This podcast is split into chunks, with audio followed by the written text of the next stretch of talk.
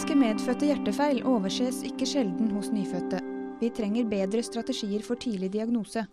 I Norge har vi data som tyder på at ca. 20% av de kritiske hjertefeilene overses. Det sier Alf Meberg. Han er spesialist i barnesykdommer, og har sammen med Kjersti Gystad Postmyr og Eva Tegnander skrevet en kronikk om dette i tidsskriftet. I Norge fødes ca. 70 barn hvert år med kritiske hjertefeil, og Meberg ser alvorlig på at en ikke uvesentlig del av disse sendes hjem uten at diagnosen er stilt.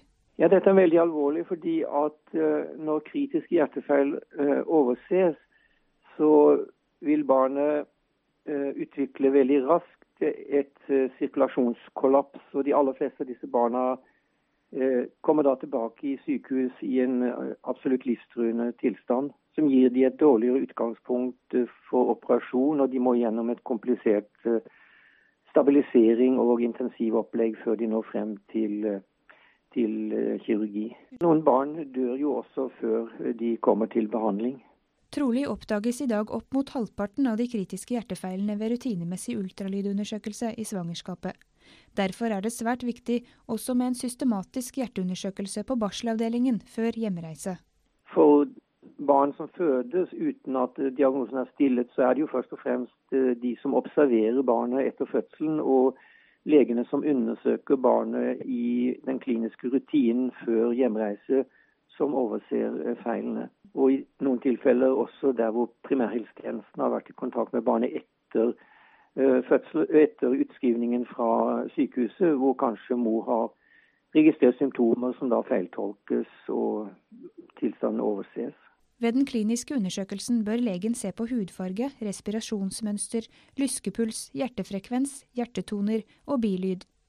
Hos nyfødte som har funn som kan gi mistanke om hjertefeil, er det viktig at barnet ikke sendes hjem før ytterligere undersøkelser har bekreftet eller avkreftet diagnosen. Meberg og medforfatterne mener det er viktig med oppdaterte retningslinjer for systematisk hjertescreening pre- og postnatalt ved norske fødeinstitusjoner. I tillegg til en grundig klinisk undersøkelse anbefales pulsoksymetriscreening og en lav terskel for ekkokardiografi. Mange av de kritiske hjertefeilene har en nedsatt arteriell oksygenmetning i blodet som går an å måle ved pulsoksymetri, slik at vi går inn for at alle nyfødte første levedøgn skal testes på den måten. Og hvis de har en for lav oksygenmetning, må de jo gjennomgå ekkokardiografi for å eh, se nøye på eh, hva som foreligger av feil ved hjertet eventuelt. Så må det jo gjøres en god klinisk undersøkelse av alle nyfødte. og Det betyr at man må ha tid til å gjøre den undersøkelsen skikkelig. Og så må jo de som observerer barna av pleiepersonellet i barselavdelingen være obs på dårlig farge, rask pust, matingsproblemer osv. Og så må man generelt ha en eh, lav terskel for å gjøre ekkokardiografi raskt hvis det er symptomer som kan eh, bety at barnet kan ha et hjertefeil. Det er mye å vinne på å gjøre dette tidlig, fordi man da vinner tid i den diagnostiske utredningen av barnet. Meberg understreker at prenatal diagnostikk av hjertefeil stadig blir bedre, og at de fleste norske sykehus nå har innført pulsoksometriscreening. Du kan lese hele kronikken i tidsskriftet nummer 2 2014. I studio Eline Feiring. På gjenhør.